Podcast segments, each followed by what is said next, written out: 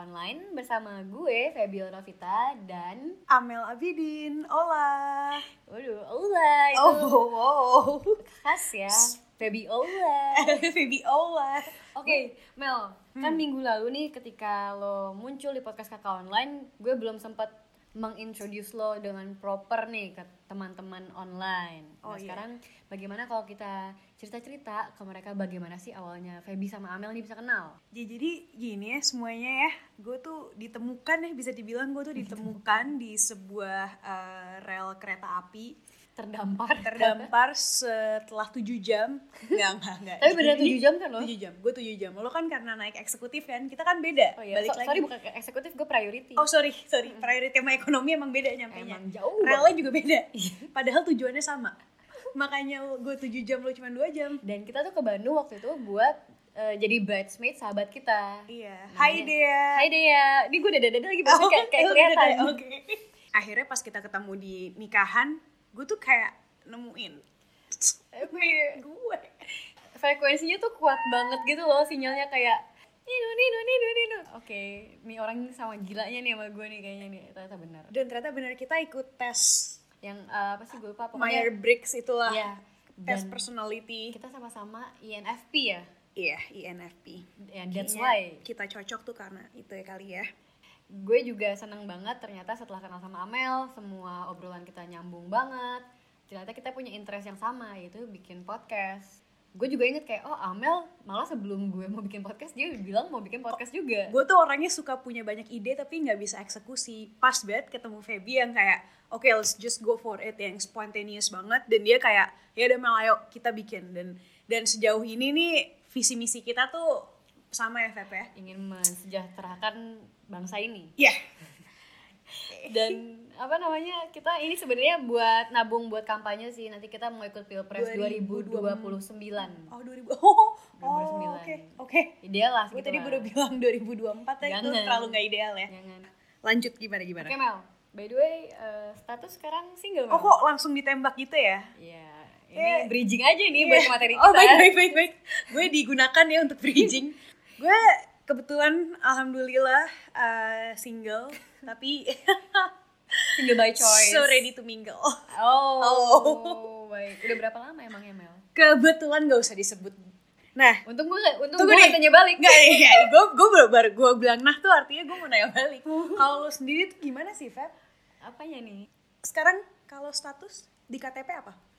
Belum kawin. Oh belum kawin ya, tapi belum kawin tuh definisinya bisa Single. uh, oh, ya, si- gue tuh point oke, aja. Lo Oke. ngomong gue single kan? Oke. Iya, gue Sorry, juga sorry, single sorry. hampir setahun. Jadi kakak-kakak online nih masih single ya, saudara-saudara. Iya, Kakak-kakak eh, kalian nih masih single dan ya gimana ya Mel ya? Kita asik aja. Tapi menurut lo apa sih yang bikin lo menahan diri untuk gak pacaran gitu loh? Karena gue yakin sih lo juga udah hitungan tahun kayaknya singlenya. Hitungan tahun, Hmm, hitungan Kalau gue kan masih hampir setahun nih. Lo- Kalau lo lebih dari setahun sih gue yakin. Lo ada countdown ya, gue lihat di kalender kan Oh, ada. berapa. Nanti gue mau anniversary. Oh, Oke, anniversary Satu jomblo. tahun being a single woman. gitu.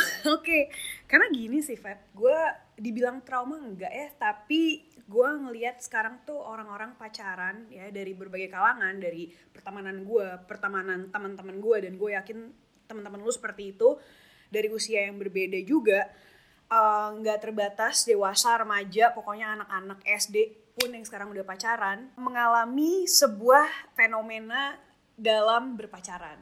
Tapi sebelum kita ngebahas jauh tentang itu, sebenarnya tuh esensi pacaran apa sih, Feb? Esensi pacaran ya? Hmm. Banyak sih hal yang menjadi trigger orang akhirnya terjebak cinta. Cie, terjebak cinta bisa jadi judul film tuh. Aku terjebak cinta. Oh. Kok Kita kita jadi dua gitu Maya, ya? eh dua Maya enggak apa sih namanya dulu Ratu ya? Saya Ratu. eh, you're welcome, saya Ratu. Jadi banyaklah trigger orang akhirnya terjebak cinta sampai akhirnya memutuskan untuk menjalin hubungan. Hmm. Baik itu bisa di sekolah, kan, di kampus, tempat kerja, atau ya di mana pun lah gitu kan. Alasannya pasti karena adanya spark, tumbuh perasaan, saling peduli, dan biasanya ketika orang sudah mulai berpacaran, mereka itu punya ekspektasi kalau pacaran itu bisa membawa hal positif ke mereka.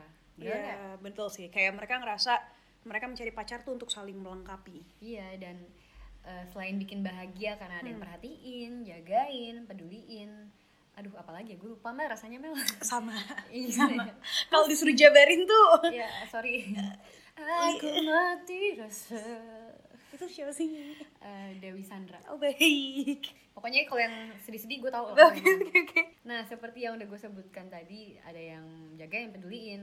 Mereka juga pasti berharap bisa bikin satu sama lain jadi pribadi yang lebih baik. ya Akan tetapi, bagaimana kalau yang terjadi malah sebaliknya? Nah, di episode keempat kakak online, gue sama Amel nggak akan membahas soal pacaran sih, nggak akan membahas soal indahnya, indahnya pacaran. pacaran Karena kita nggak bisa relate. ini ketawa sambil nangis takut tisu mana tisu Takut nggak apa? Nggak tisu. kredibel, nggak kredibel kalau kita ngomongin pacaran gitu ya. Aduh, oke.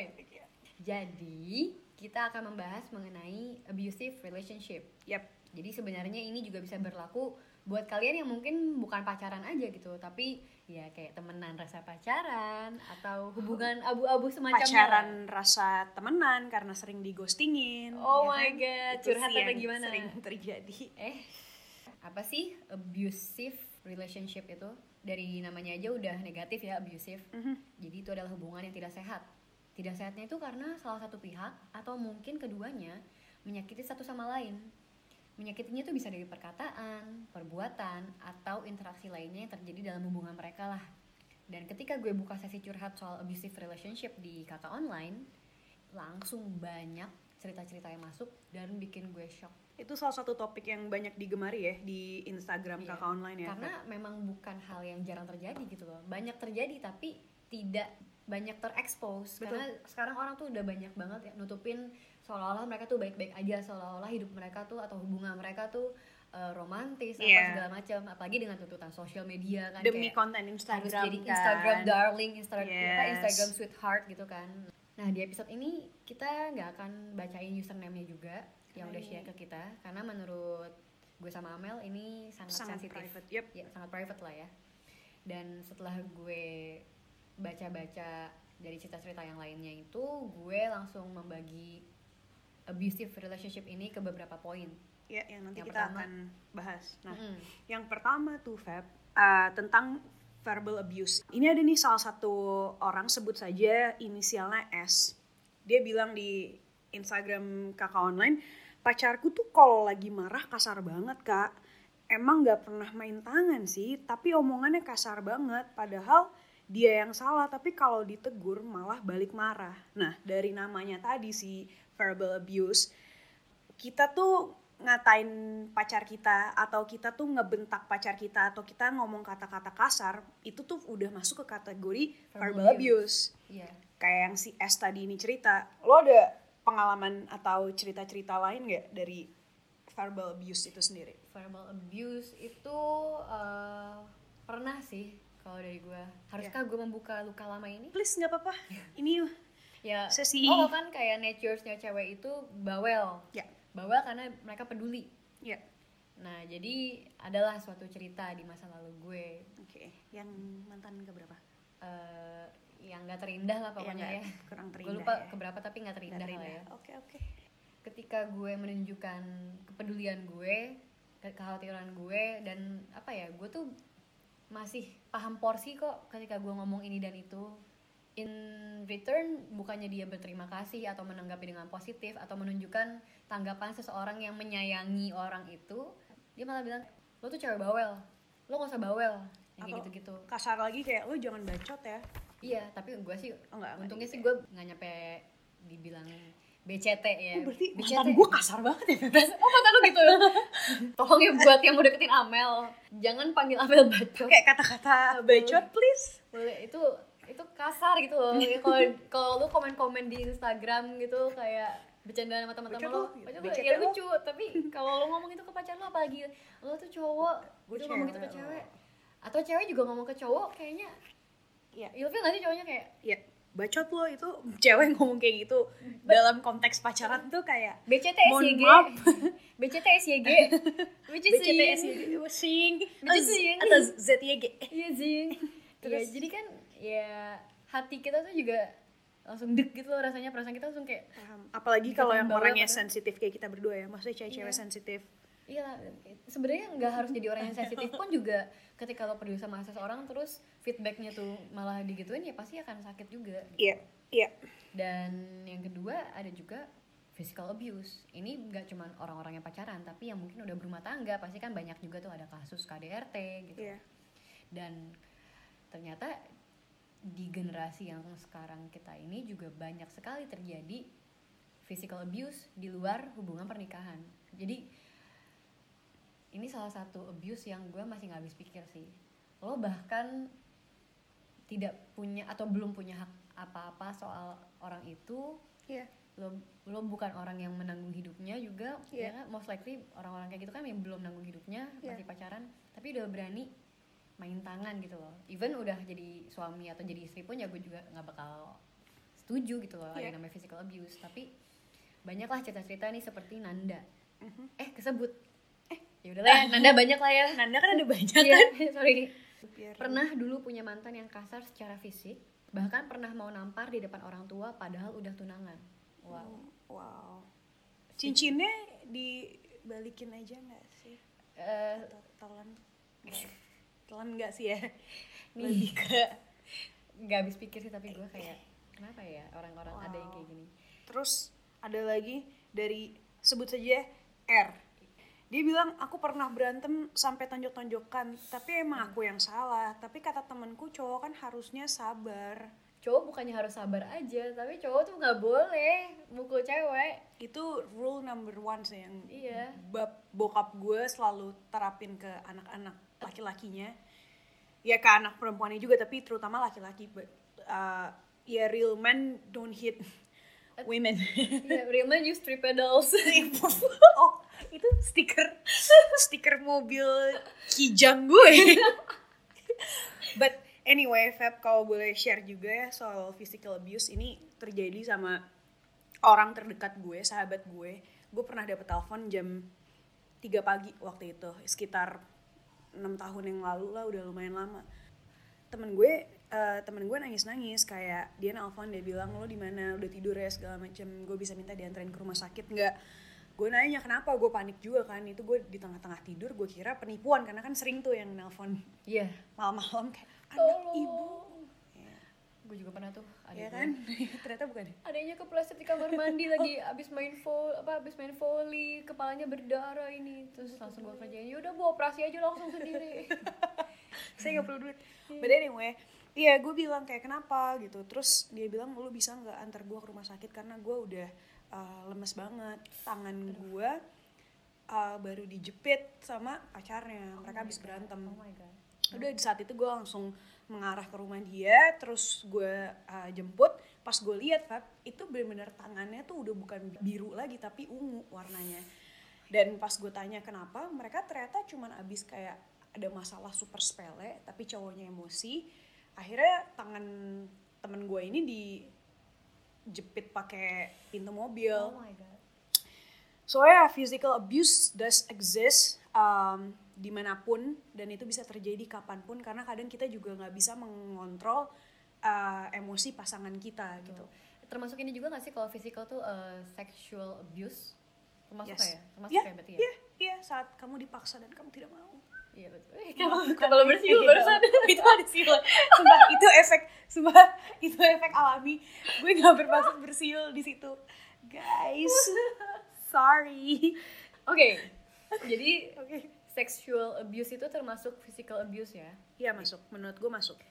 and you guys should be aware Iya bukan berarti kalian uh, berpacaran atau ya menikah ya kita kan sudah sama-sama dewasa ya pada saat uh, salah satu dari pasangan kalian uh, memaksa atau meminta untuk melakukan tapi kalian gak mau menurut gue itu uh, salah satu contoh dari sexual abuse. Iya iya betul. Karena cinta itu harus berdasarkan mau sama mau. Tidak boleh dipaksakan. Tidak boleh dipaksakan. Iya, lagi pula kalau kenapa kenapa amit-amit misalkan kalau di luar nikah juga kenapa kenapa kan pacarnya belum tentu mau, mau tanggung jawab. Soalnya Betul. kayak yang cerita juga nih ini gue sedih sih bacanya. Gue jujur sedih. Mhm. dia bilang aku pernah kak ada di hubungan eh, yang abusive. Oke. Jadi even pas aku hamil anaknya aku kasih tau dia dia malah nggak peduli dan have fun sama cewek-cewek lain. He even asked me apa namanya to do di apa namanya abortion. Abortion. Mhm. dan bahkan sampai ngancam mau bunuh kalau aku nggak mau. Sih jadi abusive-nya itu tuh berkaitan satu sama lain itu nggak cuman sexual abuse terus habis itu itu verbal juga. verbal juga dan ujung-ujungnya physical abuse juga. Beneran ada orang setega itu nggak bertanggung jawab dan parahnya masih bisa ngancem. Iya. Yang terakhir. Nah ini Feb. Ya lo bisa jelasin lebih detail lagi kali ya tentang mental abuse. Um, nah mental abuse ini sebenarnya tuh relate ke suatu terminologi yang gue jujur aja baru juga belajar karena Feby ngasih tahu ke gue dia bilang kayak Mel coba deh nih lo lihat tentang uh, narcissist abuse. Karena itu uh, relatable ke uh, mental abuse yang tadi contoh ter eh, apa case terakhir yang gue sebutin. Nah narcissist abuse sendiri mungkin belum banyak yang tahu nih Feb sama kayak gue itu gimana Feb? itu pengalaman saya. Loh Oh, nah Yeah, jadi eh, yeah. Tadinya gue pengen bikin ini jadi dua poin yang berbeda. Jadi mental abuse sendiri terus narcissist abuse sendiri. Tapi ternyata setelah ditelaah lagi ini poin yang sama gitu loh. Narcissist sendiri eh sorry narcissist abuse sendiri adalah berasal dari kata yang narcissist dulu. Narcissist kan artinya kecenderungan seseorang eh, akan apa ya? Mengagung-agungi dirinya mengagung-agungkan dirinya sendiri. Dan apa ya dia tuh lebih pengen dirinya tuh dianggap nomor satu. Pokoknya gak ada yang lebih penting dari dirinya sendiri Iya. lah gitu loh ya ya ini apa sih dasarnya narsis lah narsis gitu kan ya dan ketemulah nih eh, abusive dan narcissist Iya, jadi narcissist abuse. Nah, kalau misalkan yang terjadi di hubungan narcissist abuse itu apa sih? Jadi itu semacam kelakuan pasangan yang suka membalikan situasi manipulatif ya, manipulatif. Jadi mungkin ketika dia salah karena dia narsis, karena dia mengagung-agungkan dirinya sendiri, dia nggak mikir, oh gue salah, gue harus minta maaf, Iya. gue harus introspeksi gitu. Dia nggak akan mikir ke situ, dia malah akan bikin keadaannya berbalik jadi seolah-olah yang salah tuh pasangannya. Ya, itu benar karena tadi gue pas habis Feby ngasih tahu tentang narcissist abuse itu, gue sempat baca-baca dikit dan ada beberapa eh, poin yang yang juga gue highlight bahwa eh, contohnya nih ya, contoh yang paling eh, apa namanya ada gitu. Pasangan kamu yang bisa dibilang dia tuh seorang narsisis pada saat dia ngerasa si si narsisis ini si pasangan narsisis ini ngerasa uh, dirinya dia tuh lagi nggak oke lagi nggak uh, at the top of the world gitu dia tuh pengen kamu juga ngerasain hal yang sama dengan uh, membuat uh, kamu tuh jadi apa ya nggak percaya sama diri kamu sendiri jadi kamu ngerasa rendah sama diri kamu sendiri. Karena setiap harinya si pasangan narsisis kamu ini akan mendoktrin kamu dengan bilang kayak kamu tuh nggak sukses kamu tuh jelek kamu tuh uh, pokoknya semua kata-kata negatif. Sampai kamu akhirnya terkonsum sendiri dan kamu juga merasa uh, kalau kamu tuh memang bukan orang yang baik gitu.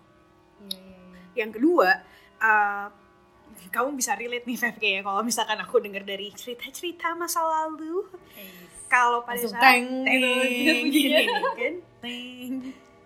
pada saat pasangan kamu itu tuh error atau berbuat kesalahan dia tuh akan bikin gimana caranya kelihatannya tuh yang salah tuh pasangannya. Kayak yang tadi Feby bilang be- becoming manipulatif gitu. Jadi misalkan dia yang apa ya misalkan dia yang nabrak gitu. Nanti dia bakalan maki-maki kamu dia bakalan bilang ya kamu sih tadi ngajakin aku ngobrol kamu sih tadi nggak bantuin aku ngeliat jalan kamu sih gini kamu sih gitu. Iya, nggak solutif pokoknya taunya nyalahin aja Ya, gitu ya. betul. Wow langsung kencang kayak ngomongnya. Em, iya itu sih tadi ya soal si narcissist abuse itu intinya oh sorry sama yang terakhir. Eh, ini adalah salah satu part dari narsis narsis apa tadi? Narcis- abuse. narcissistic abuse.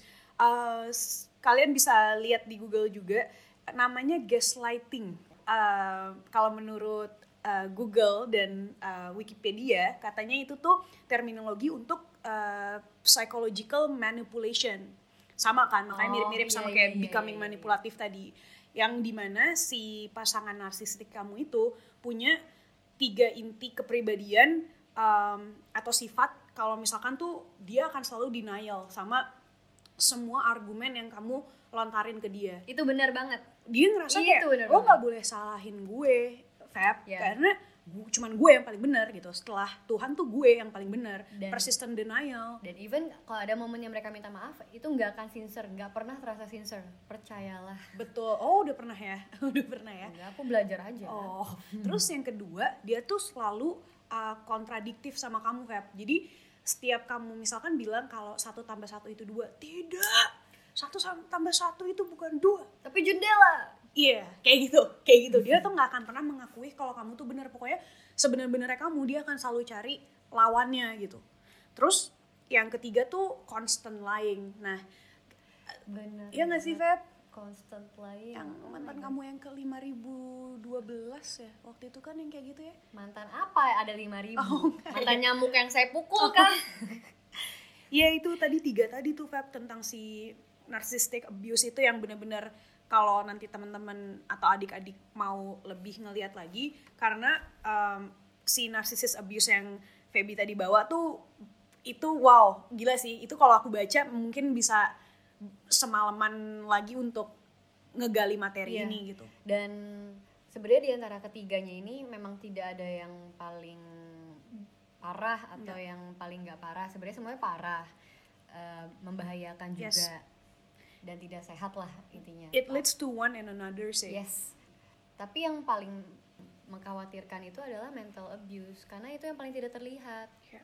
misalkan lo dipukul sama cowok lo misalnya Iya. di, di muka kelihatan nih memar atau bengkak atau apa Iya. ya ketahuan gitu kan orang pasti nanya kenapa lo atau ya dipukul atau apa lo bisa Iya. jawab tapi ketika mentally lo Merasa tersiksa gitu lo, lo ngebatin itu kan orang-orang nggak bisa lihat secara kasat mata. Dan kadang orang mikirnya kayak ah enggak kok dia baik-baik aja mantannya dia juga eh uh, pasangannya dia juga oke-oke aja nggak gimana-gimana. Iya. Tapi padahal kita yang ngerasain gitu. Iya dan makanya kenapa gue bilang itu yang paling mengkhawatirkan gitu Iya. Bahayanya sih sama semuanya, cuman yang paling yang paling perlu di- lebih dapat attention tuh ya soal mental abuse itu. yes. Dan, Dan- mirisnya iya banyak nih teman-teman yang terjebak dalam hubungan tidak sehat seperti itu karena berbagai alasan Mel. oke Jadi bisa jadi mereka juga udah terlalu sayang nih, udah bucin parah, bucin pol gitu ya. Cinful, sampai tidak peduli diperlakukan seperti apa oleh pasangan mereka. itu gue masih belum dapet Been there dan that. oh udah pernah ya Ya maksudnya ya ketika lo sayang sama seseorang pasti lo akan mikir Enggak, apa pun yang nggak dia lakukan itu ya ada reasonnya oh nggak apa-apa dia kayak gini mungkin karena dia kayak gini ya udah gue paham. Oh mungkin dia begitu ya udah nggak apa-apa gue yakin dia akan jadi lebih baik lagi. Harapan-harapan nah itu lo lo menggali harapan sendiri gitu loh sendirian tapi Iya. menggali harapannya nggak nggak berdua makanya jadi lo yang ba- ngebatin sendiri karena most likely orang-orang kayak gini tuh nggak berubah gitu loh. And if you Iya. think you can change people no. no you don't. No.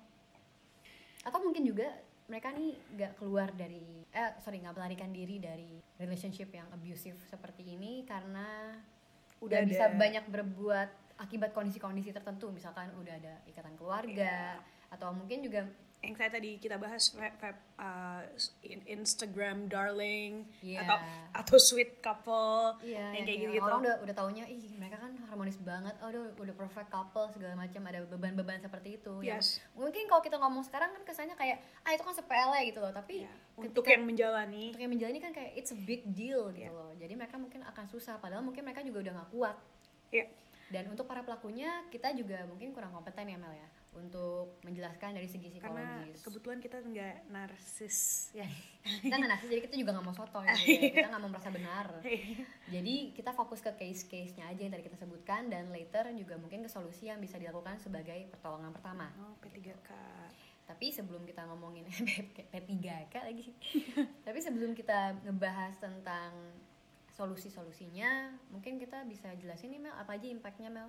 Oke, jadi uh, setelah ya tadi kita diskusiin dan Feby udah jelasin juga bicara soal impact abusive relationship itu sendiri, ya udah pastilah buruk.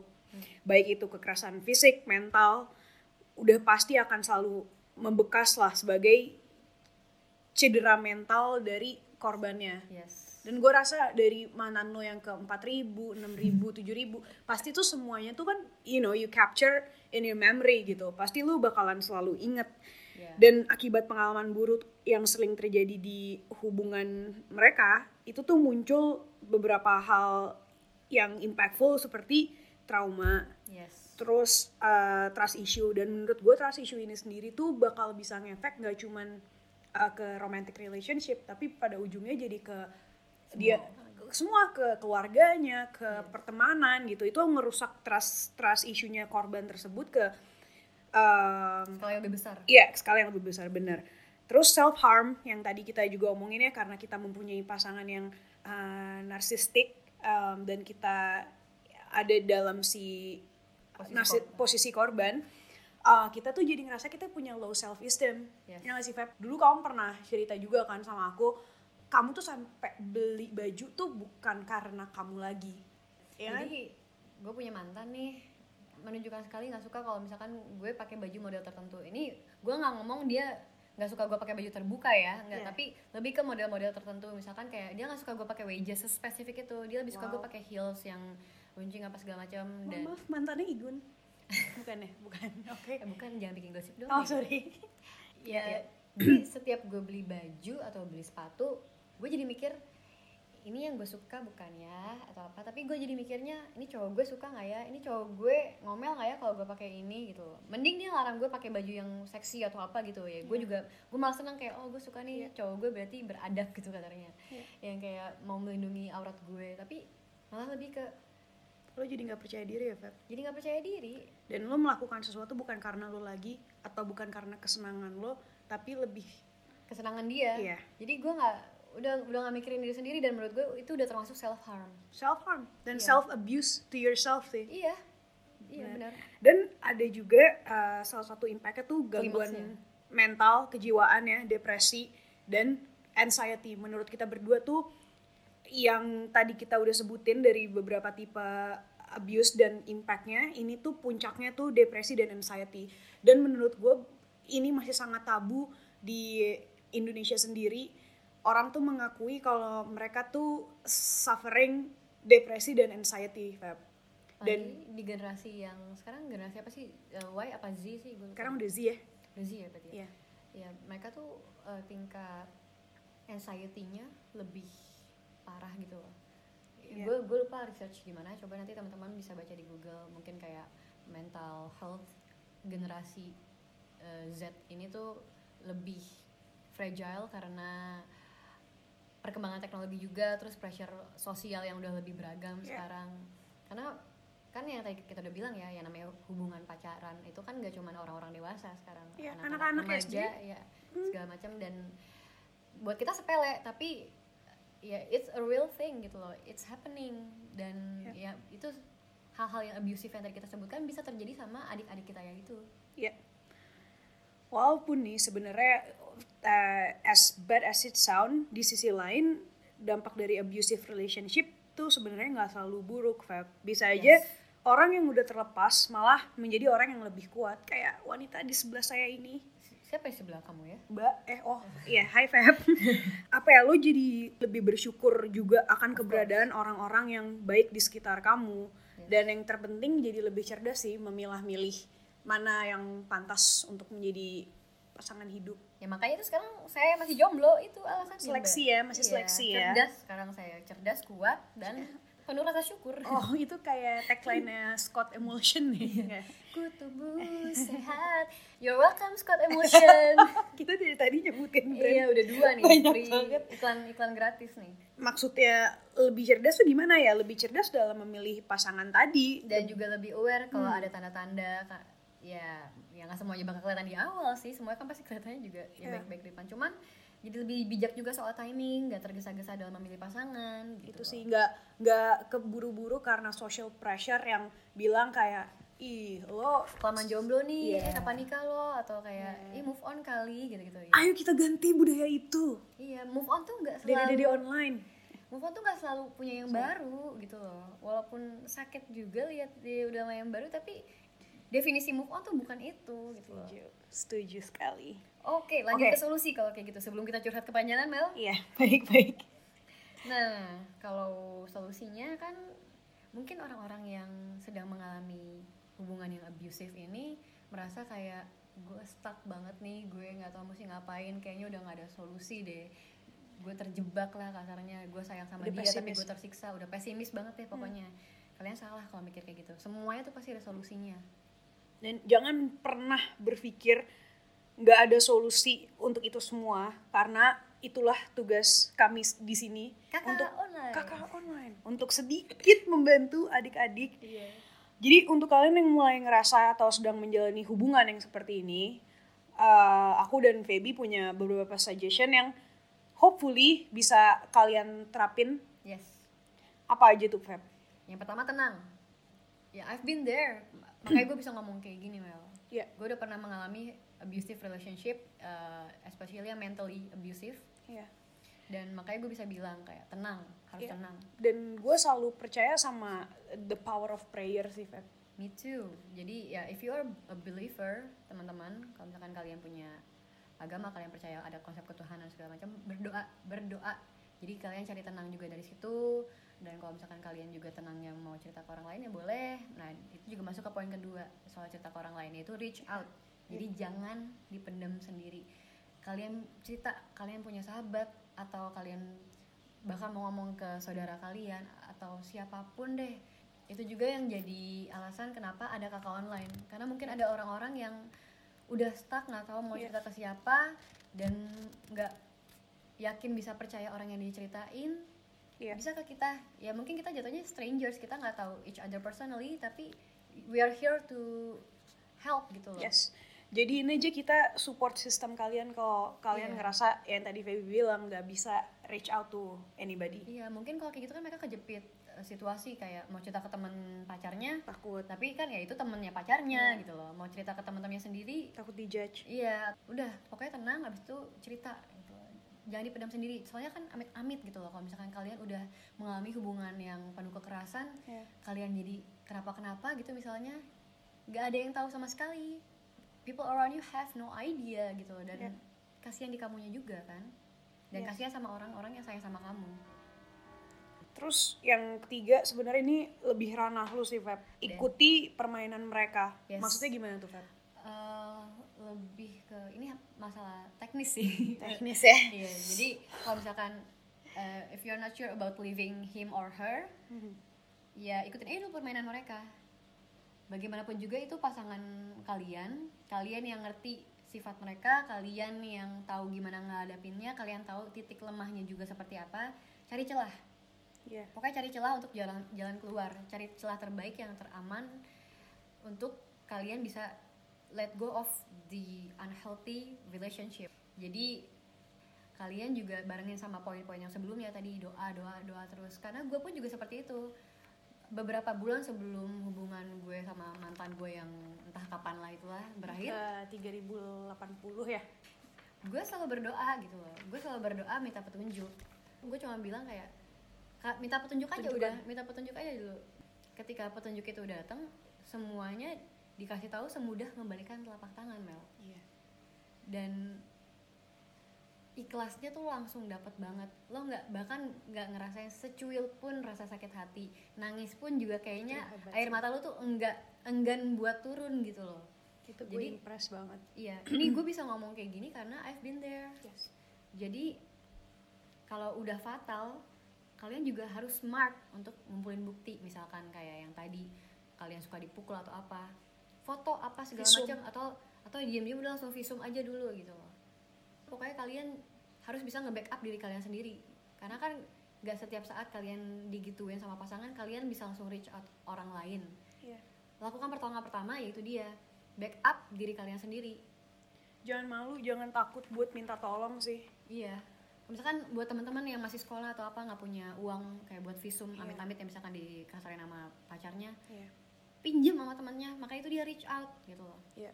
Kalau kalau teman-teman juga pada nggak bisa minjemin uang apa segala macam, namanya juga anak sekolah atau anak kuliah Iya. misalkan yang nggak ada cukup uang buat visum ini tuh segala macam, udah langsung ngomong ke orang tua. Mereka yang lahirin kamu, mereka berhak untuk tahu gitu loh ketika anaknya memang tidak baik-baik aja. semua tuh pasti ada jalan keluarnya separah apa pun itu dan yang tadi Feby bilang benar orang tua tuh yang ngelahirin kita jadi separah apa pun kita separah apa pun masalahnya yes mereka orang terakhir yang pasti akan ngebantu gitu. Gimana Mel? Ada tambahan kalau dari aku untuk conclusion tadi ya soal uh, abusive relationship itu tiga hal sih. Uh, kita harus identify dulu emang bener kita ada dalam abusive relationship dengan tadi poin-poin yang tadi itu mental, physical dan verbal ya. Terus kita harus yang kedua paling penting tuh mengakui sih. Kadang uh, orang tuh suka nggak mau mengakui kalau atau terlalu takut dijudge sama society kalau kita mengalami itu. Tapi nggak apa-apa, akuin dulu. Kalau kalian udah berani mengakuin itu terjadi, menurut kita berdua itu udah um, a brave thing to do. Yes. Dan yang terakhir, kalau emang udah bener-bener nggak bisa lagi, berani bilang tidak dan tinggalkan. Ya, berarti tadi identify, admit, lalu tinggalkan ya. Yes, itu dari aku. Dari. Feby gimana? Ya, gue nambahin aja ya Mel ya. Yes. Memang sih ketika kita mulai sebuah hubungan, semua hal itu akan terlihat, terdengar, terasa indah gitu kan kayak Aku lakuin apa pun yang kamu mau. kamu tuh terakhirnya aku gitu ya. And also chances are mereka juga nggak akan nunjukin lah perilaku kasarnya di awal. Iya. But once you have involved in this kind of relationship, Iya. just let it go bener kata Amel yang di poin ketiga tadi just let it go mungkin saran kayak gini nih normatif ya Mel ya Iya. kayak udah kalau nggak ini tinggalin aja Ya, Gampang sih untuk kita ngomong iya, sekarang. ya gampang sih ngomongnya gitu loh tapi I can say orang-orang seperti itu ya akan sulit berubah Iya. dan secara kita ini memang tidak cukup kompeten untuk bahas lebih dalam lagi dari segi psikologis ya seperti apa orang-orang kayak gitu bisa berubah atau nggak bisa berubahnya tapi tinggalin aja udah karena balikin aja coba ke diri sendiri kalian mau sampai kapan seperti itu kalian mau sampai kapan menjalani hubungan seperti itu di posisi seperti itu dan mau sampai kalian tuh jadi seperti apa Iya. udah banyak kasus-kasus kita just let's be real banyak kasus pembunuhan Iya. Terakhirnya ya kayak Iya. mantan membunuh uh, pasangannya karena hal sepele Iya. gitu loh yang kayak pas kita nonton berita dengar kayak gitu kayak serius itu mata dimutilasi masukin koper terus dibuang Iya. gitu aja gara-gara salah paham gara-gara ceweknya cuma ganti passcode handphonenya doang wow. serius Wow. aduh oke. Jangan diremehin sih, jangan guys. diremehin jangan diremehin serius deh dan please please please there are 7 billion people out there in this world pasti ada satu orang yang akan value your existence and care about your well-being Iya, setuju. ya kalau ngomong sih memang gampang ya Mel ya cuman balikin lagi ke diri sendiri seberapa peduli kalian sama diri kalian kalian juga ketika berpikir tentang diri kalian jangan cuman kayak dampak untuk diri sendiri tapi dampak orang yang memang benar-benar sayang sama kalian kalau kalian kenapa-kenapa ya pasti orang tua sedih Iya. sahabat-sahabat kalian sedih saudara-saudara kalian juga sedih gitu loh oke Setuju. Sangat setuju. Oke. Kita boleh selfish for ourselves. yes Love ourselves more than we love anybody else. Oke, sekian pembahasan kita soal abusive relationship. Semoga bisa bermanfaat, semoga bisa jadi titik terang juga buat kalian yang sedang dalam dilema Amin. dan buat yang sedang mencari pasangan atau lagi PDKT atau apa juga mungkin kalau dengerin ini bisa lebih hati-hati juga Betul. sama pasangannya bukan berarti jadi kayak curiga apa segala macam tapi baik lagi kita mau ketika kita mulai sesuatu sama orang lain pengennya kan untuk selamanya lah kasarnya Lakuin mana yang terbaik untuk diri Iya. kalian, jangan ikutin apa kata society. yes Itu sih, Feb. Oke, Thank, thank you, you. thank you banget buat teman-teman juga yang udah brave enough buat share cerita kalian. Thank you, thank you, thank kita. you. Dan Stay kalau- strong. Kalau misalkan masih ada hal-hal yang berat lagi yang kalian pengen bagi, feel free to share. Kita memang mungkin nggak 24 jam 7 hari seminggu bisa respon, tapi most likely kita baca cerita-cerita dari teman-teman yang kalau kita nggak balas itu pasti kita sambil mikirin, sambil ngumpulin juga untuk bikin topik baru gitu loh, untuk kita bahas seperti ini. Sekali lagi terima kasih banyak teman-teman untuk atensinya. Sampai ketemu lagi di episode selanjutnya. Febiola dan Amel Sign out. Bye bye. Bye-bye.